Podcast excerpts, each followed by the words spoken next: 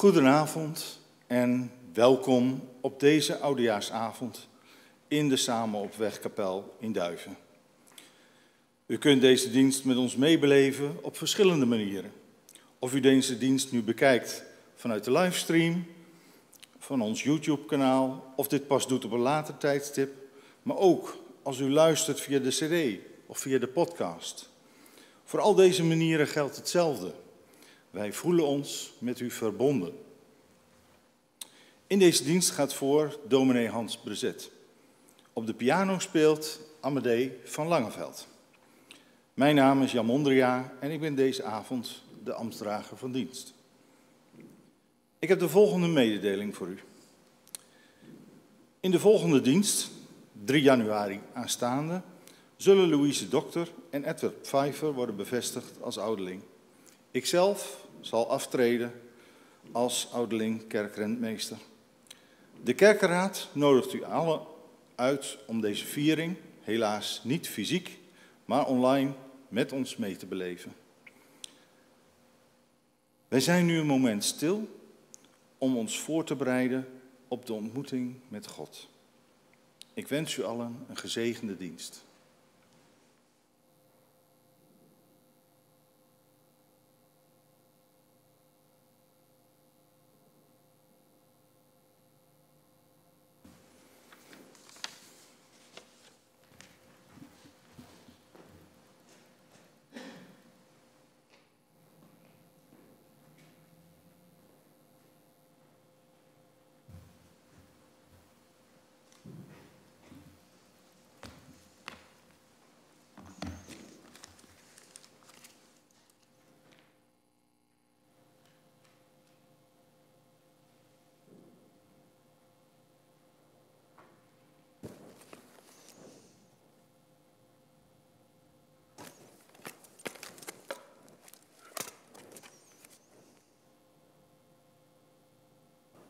Onze hulp is in de naam van de Heer, die de hemel en de aarde gemaakt heeft, die trouw blijft tot in eeuwigheid en die niet laat varen datgene wat zijn hand begonnen is. Amen. Genade zij u en vrede van God onze Vader en van de Heer Jezus Christus door de Heilige Geest. Amen.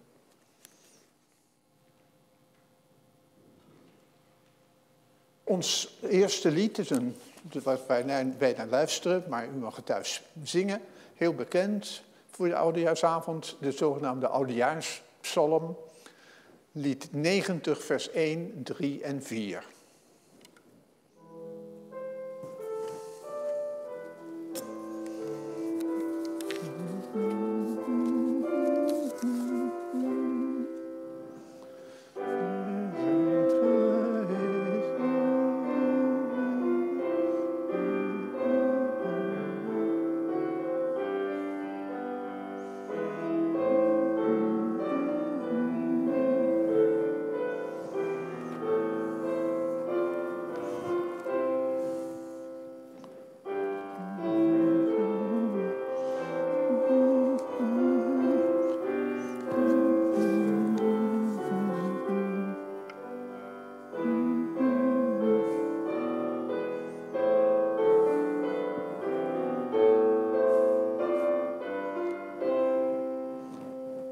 De tekst is van de 90 en dit is 90a. Heb je 90 ook bij je? Nee. Oh, jammer. Want dat klopt namelijk, de woorden, de inhoud van de woorden klopt wel, maar de volgorde.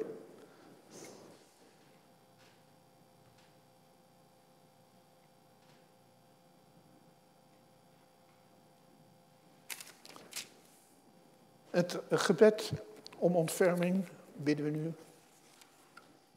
Heere God, ontferm u, vragen wij, over alle mensen die in nood zijn.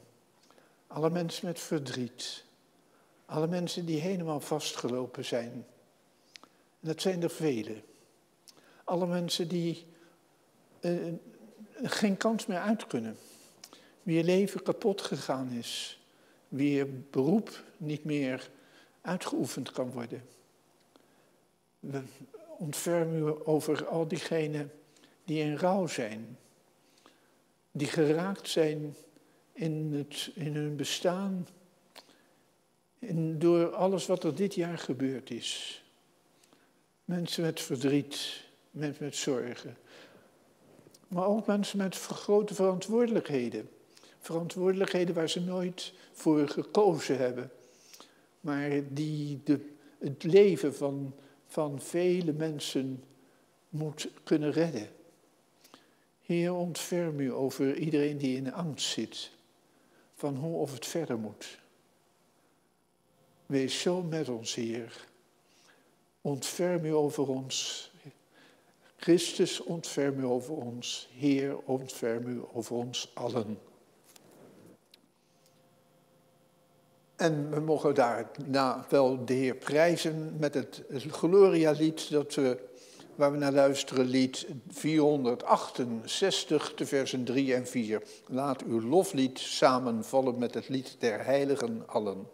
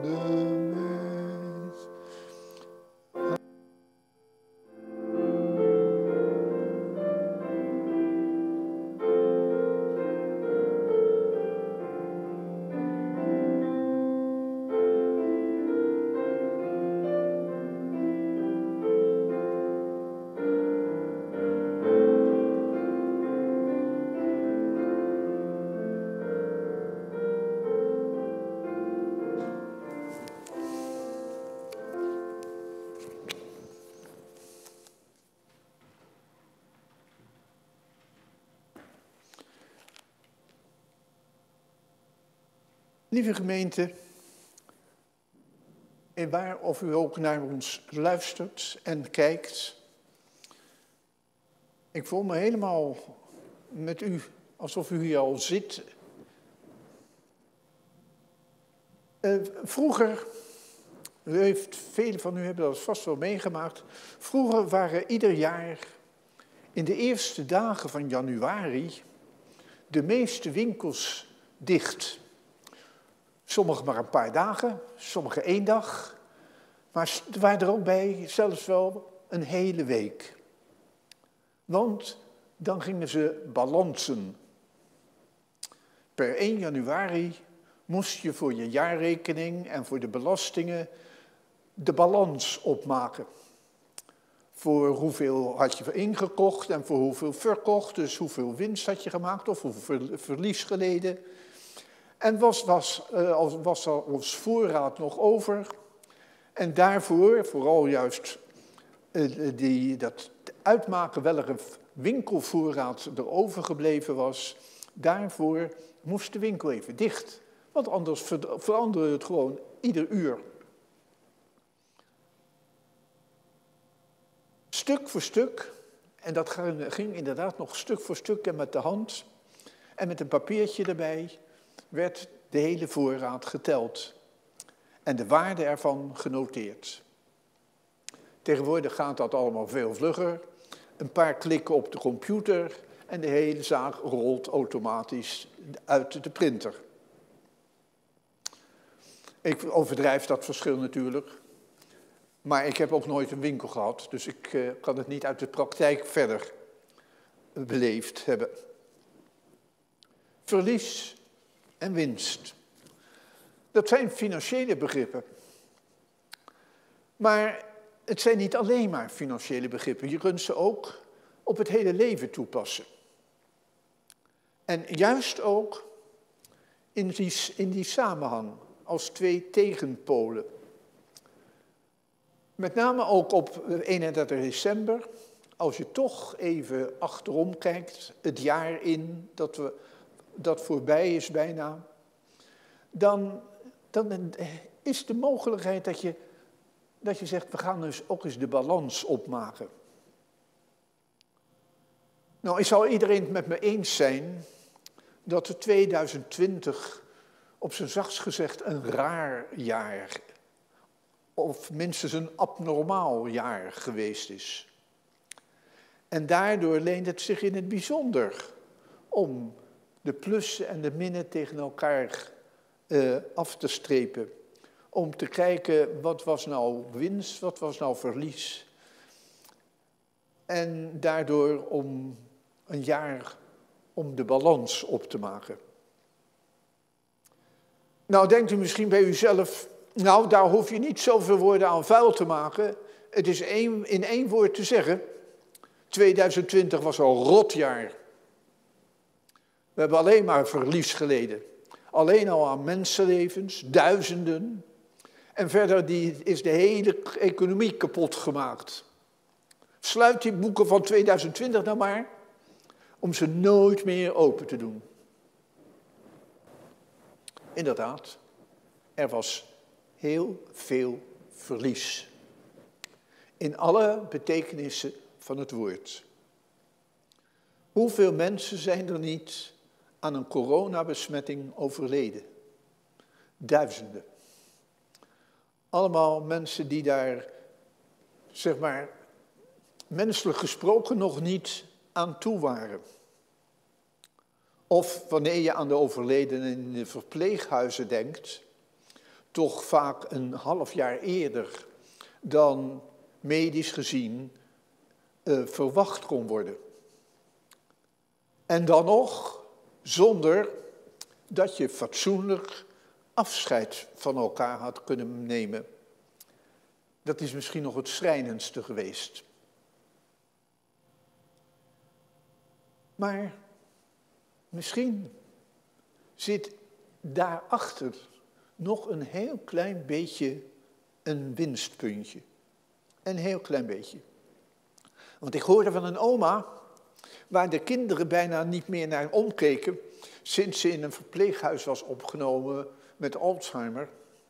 Want ze zeiden, ja, met de oma is toch geen gesprek meer te voeren hoor. Dat hebben we geen zin om daar een half uur bij, te, bij te zitten. Maar nu het niet meer kon en niet meer mocht, beseften ze tot hun schrik ineens hoe waardevol zulke bezoekjes eigenlijk toch nog wel waren. Nu merkten ze het ineens, doordat het niet meer mocht en niet meer kon. Wat natuurlijk ook een, een positief punt was, de dankbaarheid van de hele Nederlandse bevolking voor degenen die in de gezondheidszorg werken. Het applausmoment, eerst de eerste keer gewoon heel spontaan en daarna nog een paar keer op andere plekken ook. Van het applaus voor allen die in de ziekenhuizen en de verpleeghuizen werkten in de verzorging, verpleging, als medici ook en als, ook voor de mensen van de uh, van de ambulances. Dat hebben we nog, ik kan me niet herinneren dat ik dat ooit eerder meegemaakt heb. Zoiets massaals. En al die verpleegkundigen die waren er zo blij mee. Je zag het zoals ze daar allemaal onder de, achter de ramen van het ziekenhuis stonden.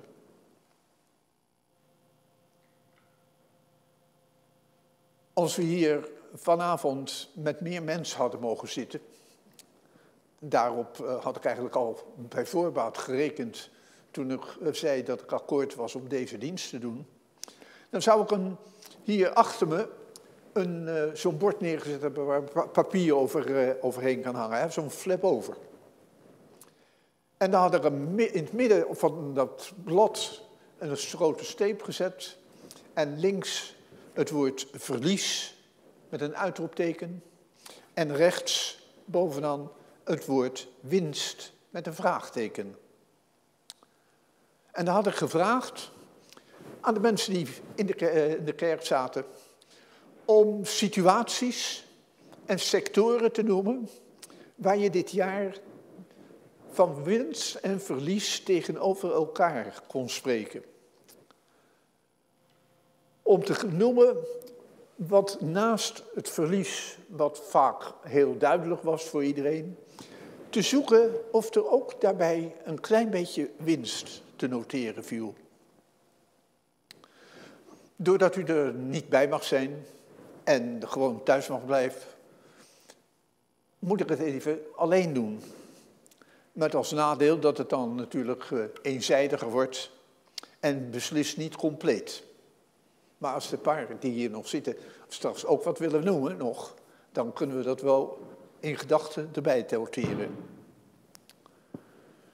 Ja, dan noem ik een paar dingen. Het eerste wat mij opviel, ook een van de eerste dingen die gebeurden, toen de maatregelen genomen moesten worden, was dat de scholen dichtgingen.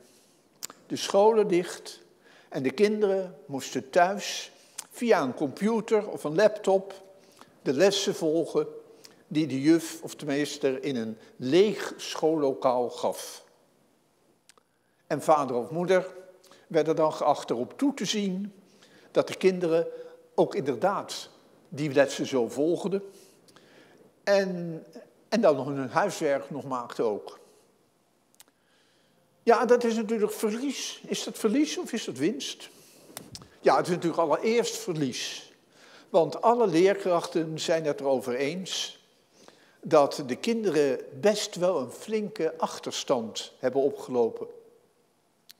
Want je kan toch niet alles doen. Met name de persoonlijke begeleiding van iedere leerling, die zo belangrijk is in het onderwijs, die was onmogelijk. Of die moesten de ouders dat maar doen. Vader en moeder moesten erop toezien. Ja, of dat voldoende gebeurde, ik weet het niet. Maar het is mij wel is mij één ding opgevallen dat ik heel belangrijk vond. Dat veel kinderen hebben ontdekt hoe leuk naar school gaan eigenlijk is. Waar je in de eerste plaats, eh, zeggen ze zo heel veel, waar je beter les krijgt dan zo de, achter, een, eh, achter een laptop. En waar je, waar je bovendien dan nog al je vriendjes en vriendinnetjes om je heen hebt. Ik heb op de televisie dan in ieder geval nooit eerder kinderen zo positief over naar school gaan horen praten. Nog een ander eh, winstpunt daarbij. Veel ouders hebben eh, meer respect voor het werk en de deskundigheid van de leerkrachten gekregen. Want ze stonden af en toe zelf wel eens met de mond vol tanden uh, op de vragen van de kinderen en, en hoe ze het werk moesten laten gebeuren. Dus de tijd van alleen maar kritiek op de, op de onderwijskrachten is daarmee denk ik wel een beetje voorbij. Een tweede punt.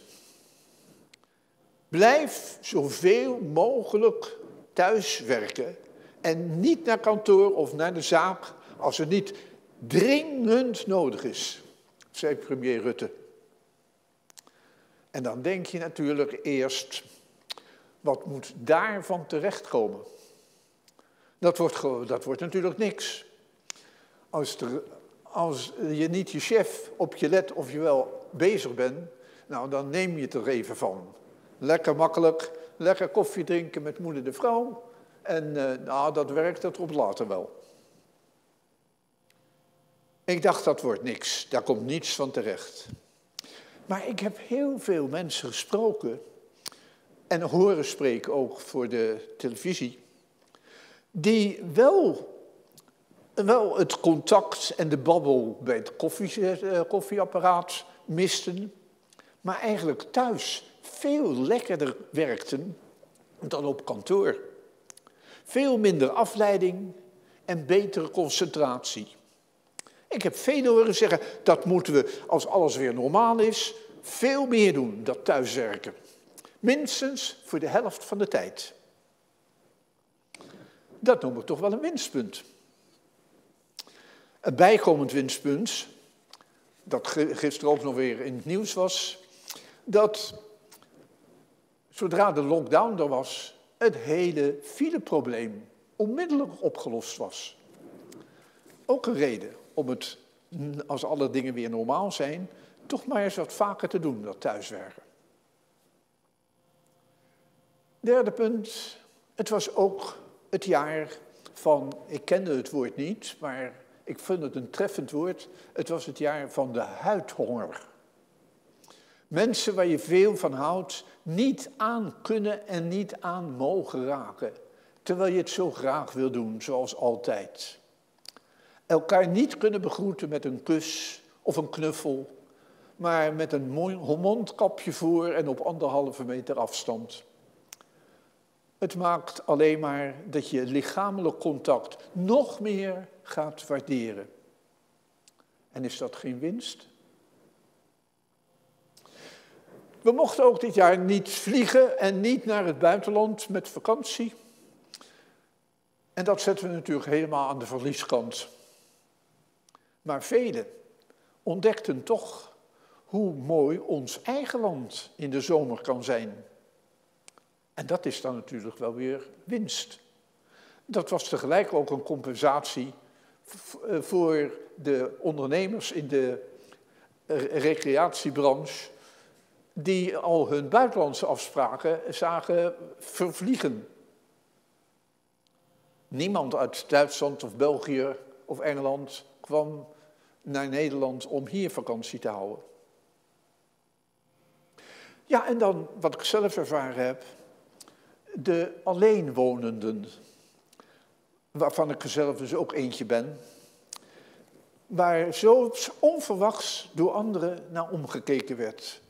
Ik wist wel, dat was ook door de premier gezegd, kijk u vooral ook naar de mensen die alleen zijn om. En dan had ik gedacht, nou ja, daar komt niets van terecht, want iedereen heeft het veel te druk met zichzelf. Maar ik ben verrast zo vaak dat toch gebeurde een telefoontje of iemand die even belt en iets op de stoep zet. U zegt, ja, daar, ik heb het even op de stoep gezet en terug week met het mondgrapje. Maar onvoorstelbaar. Onverwachte kaartjes, briefjes, telefoontjes.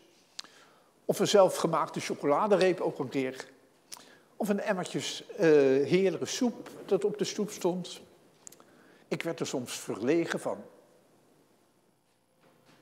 En dan nog iets heel anders.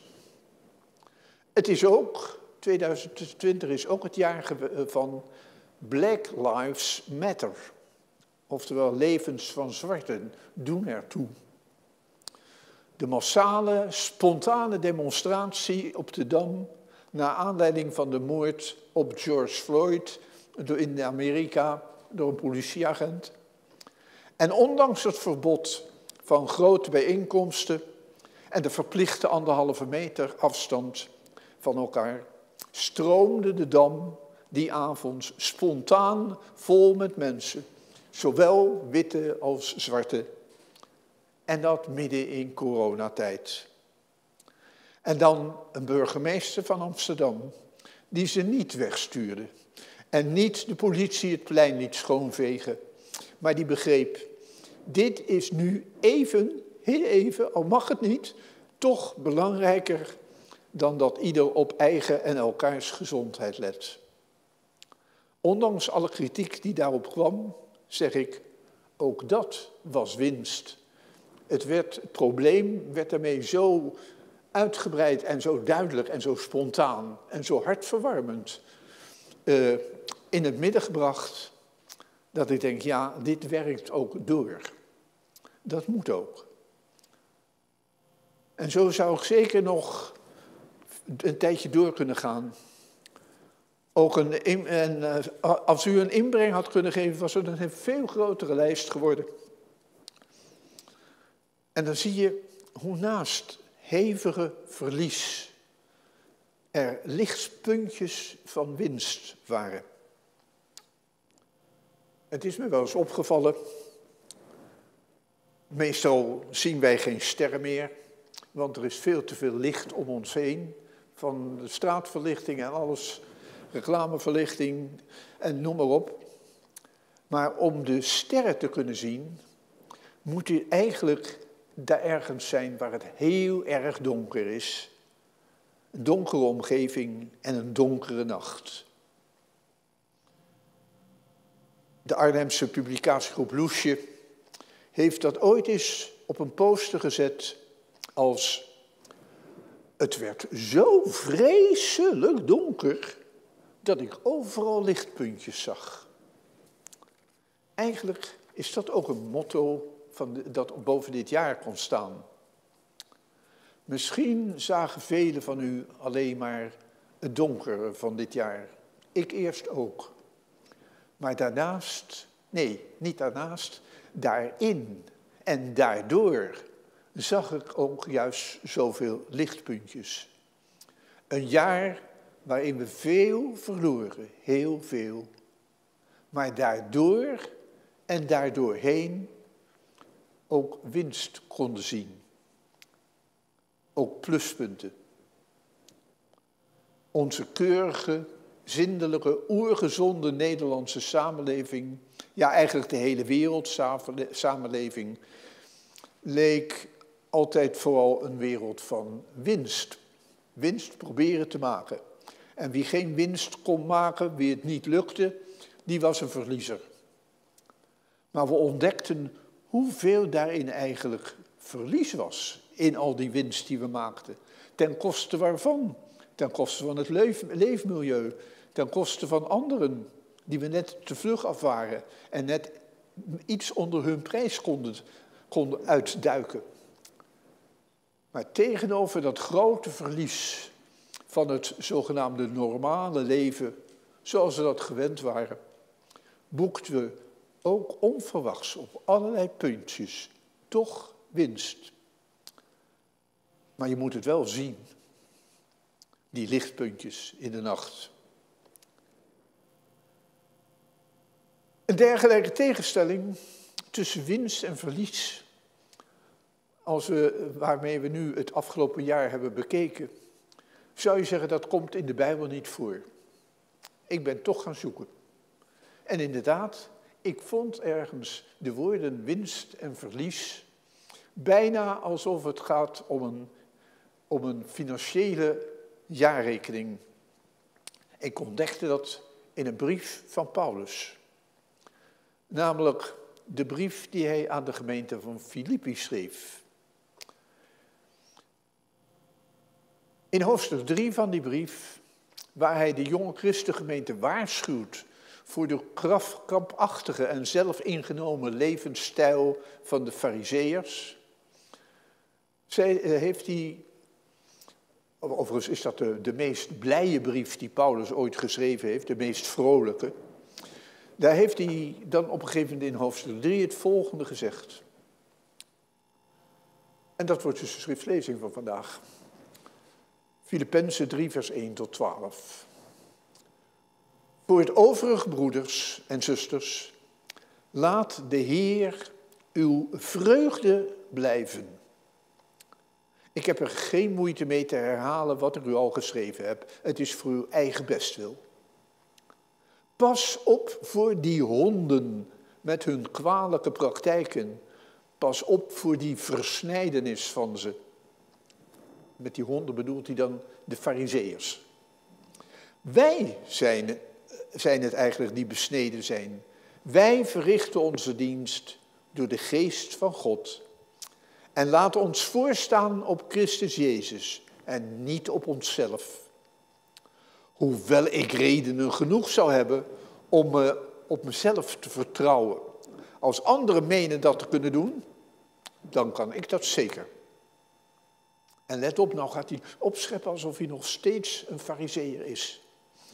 Ik werd besneden toen ik acht dagen oud was en behoor tot het volk van Israël, tot de stam Benjamin. Ik ben een geboren Hebreeër met de wetsopvatting van een fariseer. En heb de gemeente, de gemeente van Christus, fanatiek vervolgd. Aan wat er in de wet over gerechtigheid staat, voldeed ik volledig. Maar wat voor mij winst was, ben ik omwille van Christus als verlies gaan beschouwen. Sterker nog, alles beschouw ik als verlies. Want het kennen van Christus Jezus, mijn Heer, overtreft immers alles. Omwille van Hem heb ik alles prijsgegeven. Ik heb alles als afval weggegooid. Ik wil de Christus zien, winnen en één met Hem zijn. Niet door mijn eigen rechtvaardigheid, omdat ik de wet naleef, maar door die rechtvaardigheid van God. De rechtvaardigheid die er is door het geloof in Christus. Ik wil Christus kennen en de kracht van Zijn opstanding ervaren. Ik wil delen in Zijn lijden en aan Hem gelijk worden in Zijn dood. In de hoop misschien ook zelf uit de dood op te staan. Niet dat ik al zover ben en mijn doel al heb bereikt, maar ik hou vol in de hoop eens dat te kunnen grijpen waarvoor Christus Jezus mij gegrepen heeft. Dat was een schriftlezing. En daar heb ik nog een paar woorden over. Want er komt niet nou een hele preek. Maar de inleiding was zo groot, de preek wordt zo klein. Want dit stuk is op zich eigenlijk in dit kader heel duidelijk, heel eenvoudig. Want het gaat vooral om dat vers 7. Maar wat voor mij winst was, ben ik omwille van Christus als verlies gaan beschouwen. Winst is wat je zelf gepresseerd hebt. En alles wat dat afbreekt, dat dat afbreekt en stopt, dan, uh, dan, dan noem je dat verlies. Dan raak je de winst waarvoor je zo uh, inspande kwijt. Maar sommigen zien dan ineens een andere weg voor zich, een andere en betere levensvervulling. En de apostel Paulus is daar een goed voorbeeld van, eigenlijk het voorbeeld. In deze brief aan de gemeente van Filippi hanteert hij ook die begrippen verlies en winst. Hij die zelf een opvoeding en een opleiding ook had gehad volgens de leefwijze van de Fariseërs, die zich uitputten in een volmaakte naleving van de geboden van God. Vanaf het besneden zijn tot en met de meest futiele kleine geboden toe, heel precies. In die weg was Paulus vastgelopen, omdat hij ontdekte dat je dan eigenlijk alleen maar voortdurend met jezelf bezig bent en voor jezelf bezig bent. In plaats van dat je je ter beschikking stelt van, van God en met, eh, en met liefde en zorg bezig bent met je medemensen. Zijn ontmoeting met Jezus voor de poort van Damascus, toen hij als het ware door een bliksem was getroffen bijna, heeft zijn hele leven op zijn kop gezet. Hij ontdekte dat je met te proberen zelf het volmaakte te bereiken vastloopt, maar dat je openstellen voor Gods genade een ontspannen weg opende, een weg van vergeving en genade en van ontspannen Jezus volgen. In liefde voor allen die God op je weg brengt. Dat was pas echt winst voor Paulus. Amen.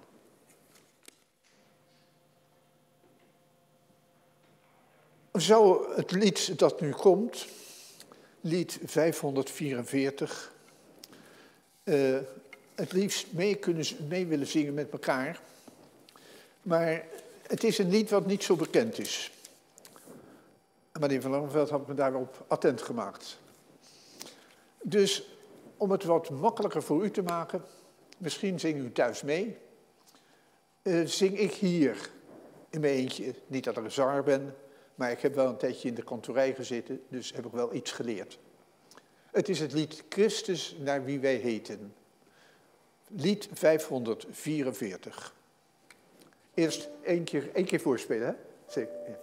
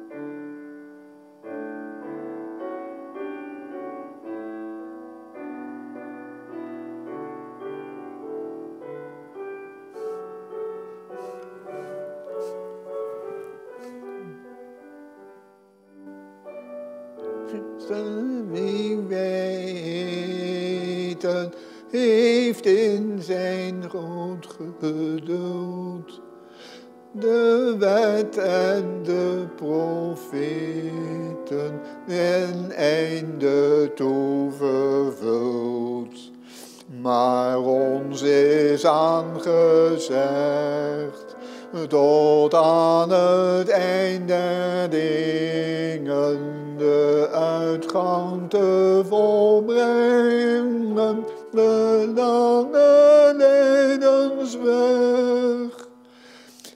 Geen licht is ons leven, er is geen God te zien.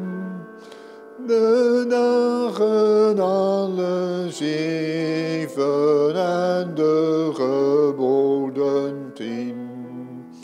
Dan deze die naam is alle nachten ons hemelig verwachten, ons innerlijk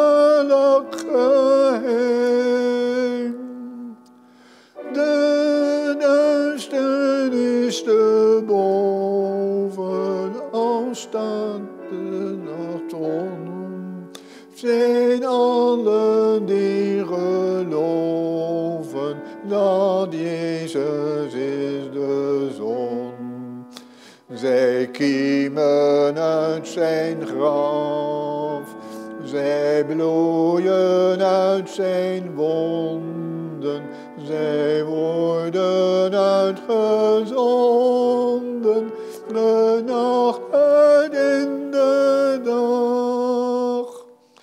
Zij moeten met hem lijden en met hem leven zijn.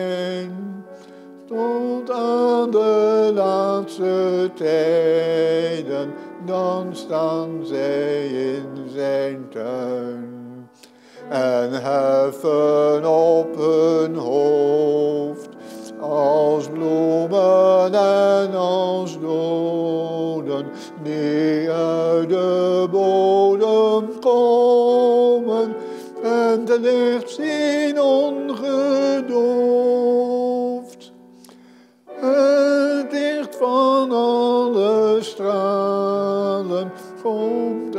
zijn aangezicht. Mijn ster zal nooit meer dalen en met hem opgericht.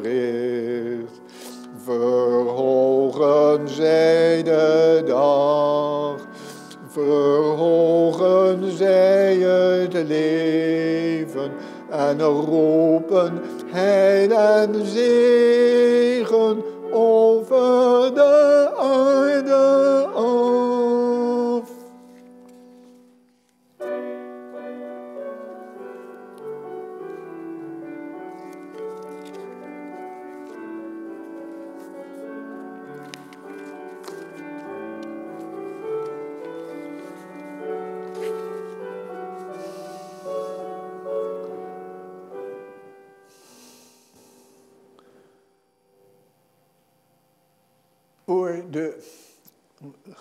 der gebeden moet ik eerst een afkondiging doen. Want we hebben bericht gekregen dat is overleden op maandag 28 december op de leeftijd van 89 jaar ons gemeentelid Pieter van Damme, wonende aan de Winterrietpeer nummer 5. Jarenlang was hij de trouwe secretaris van Oase. En zo heeft hij heel veel voor, met name voor de ouderen in onze gemeente, gedaan. Uh, van 5 december tot 12 december heeft hij nog in het ziekenhuis gelegen. We wisten dat hij ziek was. Maar daar, daarna is hij weer thuisgekomen en thuis verpleegd en dus afgelopen maandag overleden. De uitvaart heeft zaterdag 2 januari plaats, in, uiteraard in familiekring. Zoals bedoeld niet anders kan. Wij willen nu samen bidden en straks dat afsluiten met het gezamenlijk gebeden avondgebed van Luther.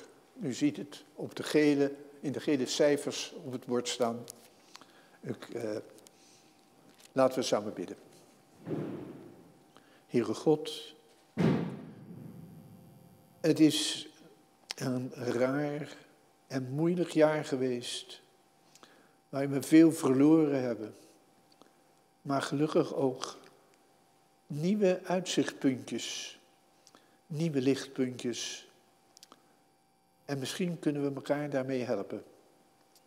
Kunnen we elkaar helpen daarop te wijzen en dan ons leven op een bepaalde punt toch weer bij te stellen.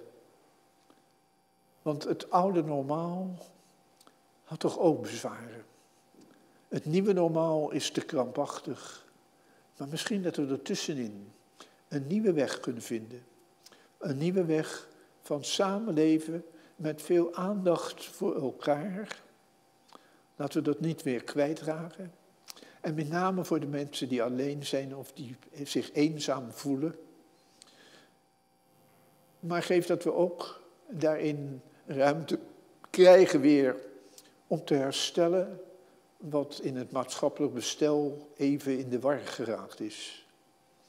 We bidden nu voor degenen die verantwoordelijkheid dragen en die natuurlijk dan ook als ze maatregelen nemen onmiddellijk onder kritiek staan. Want daar zijn we heel makkelijk in. Al zouden we het zelf niet altijd beter weten.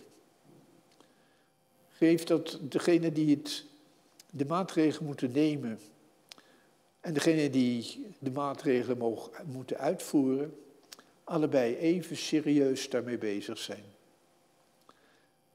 En geef dat we niet gaan denken van, het is nou lang genoeg geweest, ik wil nou mijn vrijheid weer terug. Want dan blijft die vrijheid alleen maar verder weg. Heer, wij bidden u voor de mensen die in de zorg werken. In alle rangen van de, van de chirurg en de directeur van een ziekenhuis of verpleeghuis tot aan de schoonmakers toe. En alles wat ertussenin zit. Ook de mensen van de ambulance, het ambulancepersoneel en de, de huisartsen, GGD-medewerkers. Al diegenen die nu extra, op wie het nu extra aankomt. En we bidden voor degenen die nu in de ziekenhuizen moeten liggen. Soms omdat ze toch onvoorzichtig zijn geweest en de besmetting opgelopen hebben. Maar we bidden ook voor degenen die moeten wachten wie er behandeling, operatie of opname is op de lange baan is gezet. Omdat de ziekenhuizen gewoon vol zijn. Heer, geef dat we meer onszelf in acht nemen. Om ruimte te geven voor weer de normale zorg voor zieken en bejaarden. Wij bidden nu voor iedereen die uh, zijn werk kapot heeft zien gaan. Zijn bedrijf wat hij opgebouwd had al jarenlang. En het, is, en het dreigt failliet te gaan of het is failliet gegaan. Geef hen een nieuwe toekomst. Geef dat we die niet, niet verlaten en niet te zeggen, nou de regering die zorgt wel voor ze. Maar geef dat we ook als maatschappij, als mensen in de buurt, maar ook als mensen die vroeger klant waren en mensen die bepaalde behoeften hebben, om die te laten verzorgen, doordat mensen weer hun werk kunnen doen, hun eigen werk, weer wat kunnen opbouwen. We bidden nu ook voor de onderlinge samenwerking tussen de landen. Omdat we natuurlijk allemaal in de gelijke positie zaten, geen enkel land was uitgezonderd, zijn we dichter bij elkaar gekomen. We lijken wel soms grote concurrenten van elkaar, maar we zijn ook, er is ook een stukje verbroedering over de grenzen heen. Geef dat het niet verloren gaat. En voor onszelf ieder eh, in, in de aarzeling van wat gaat het worden, het nieuwe jaar. Voor onszelf vragen we ook, Heer, blijf bij ons. Laat ons niet alleen. En dat doen we met de woorden die Luther ons nagelaten heeft in zijn avondgebed. En u kunt het thuis meer mee, hardop meebidden. Heer, blijf bij ons, want het is avond en de nacht zal komen. Blijf bij ons en bij uw ganse kerk. Aan de avond van de dag, aan de avond van het leven, aan de avond van de wereld. Blijf bij ons met uw genade en uw goedheid, met uw troost en zegen, met uw woord en sacrament.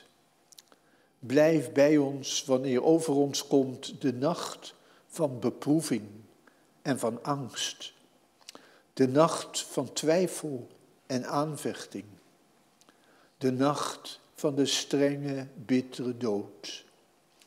Blijf bij ons in leven en in sterven, in tijd en eeuwigheid. Amen.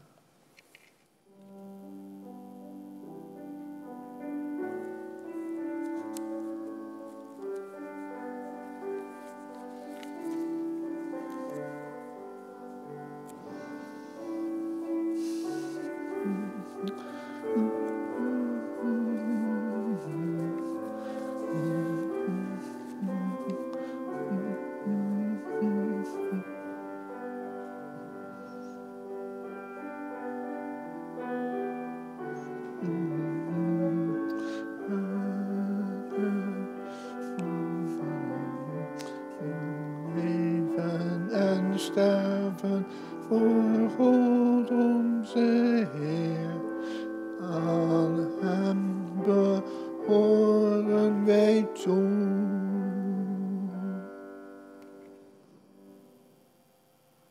Ons slotlied is het lied, het nieuwjaarslied van dat Dietrich Bonhoeffer in april 1944 eh, die in april 1944 door de nazi's werd omgebracht in een eh, concentratiekamp. Uh, en dat lied dat had hij voor de, voor de nieuwe jaar van 1944 geschreven en toegestuurd aan zijn moeder en zijn verloofde. Deze Duitse theoloog die heeft dat heel mooi verwoord hoe de situatie kan zijn als, je, als de machten van ellende en narigheid te groot worden. En hoe je dan toch troost bij God kan vinden. We zingen niet alle versen, we, we, ja, we, niet alle versen, versen 1, 2, 4, 5 en 7 van lied 511. Ik zal het proberen mee te zingen want ik weet dat het niet erg bekend is, maar het is het mooiste lied om het nieuwe jaar altijd mee te beginnen.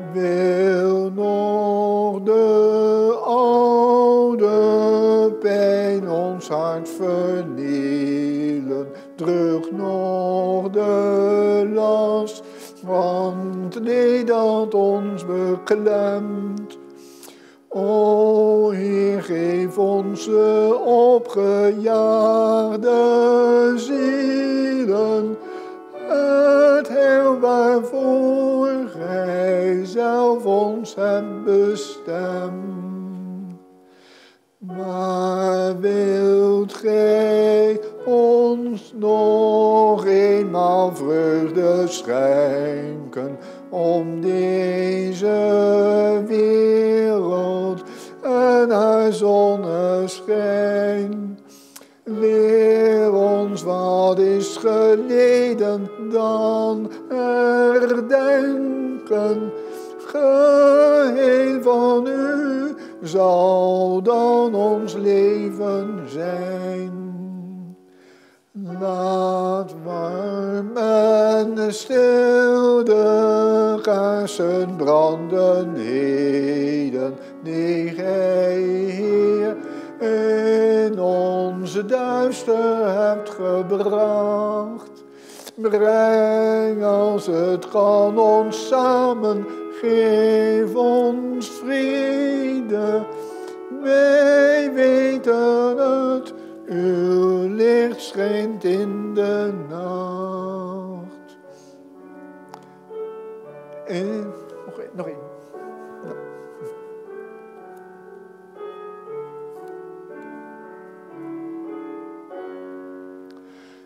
In goede machten liefde rijk geborgen verwachten wij getroost wat komen mag.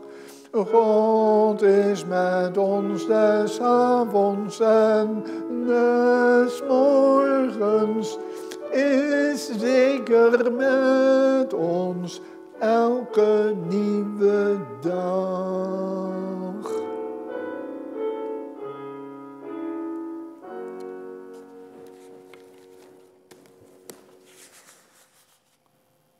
Ga dan het nieuwe jaar gezegend in met de zegen van God die trouw is, iedere dag bij ons is met zijn geest.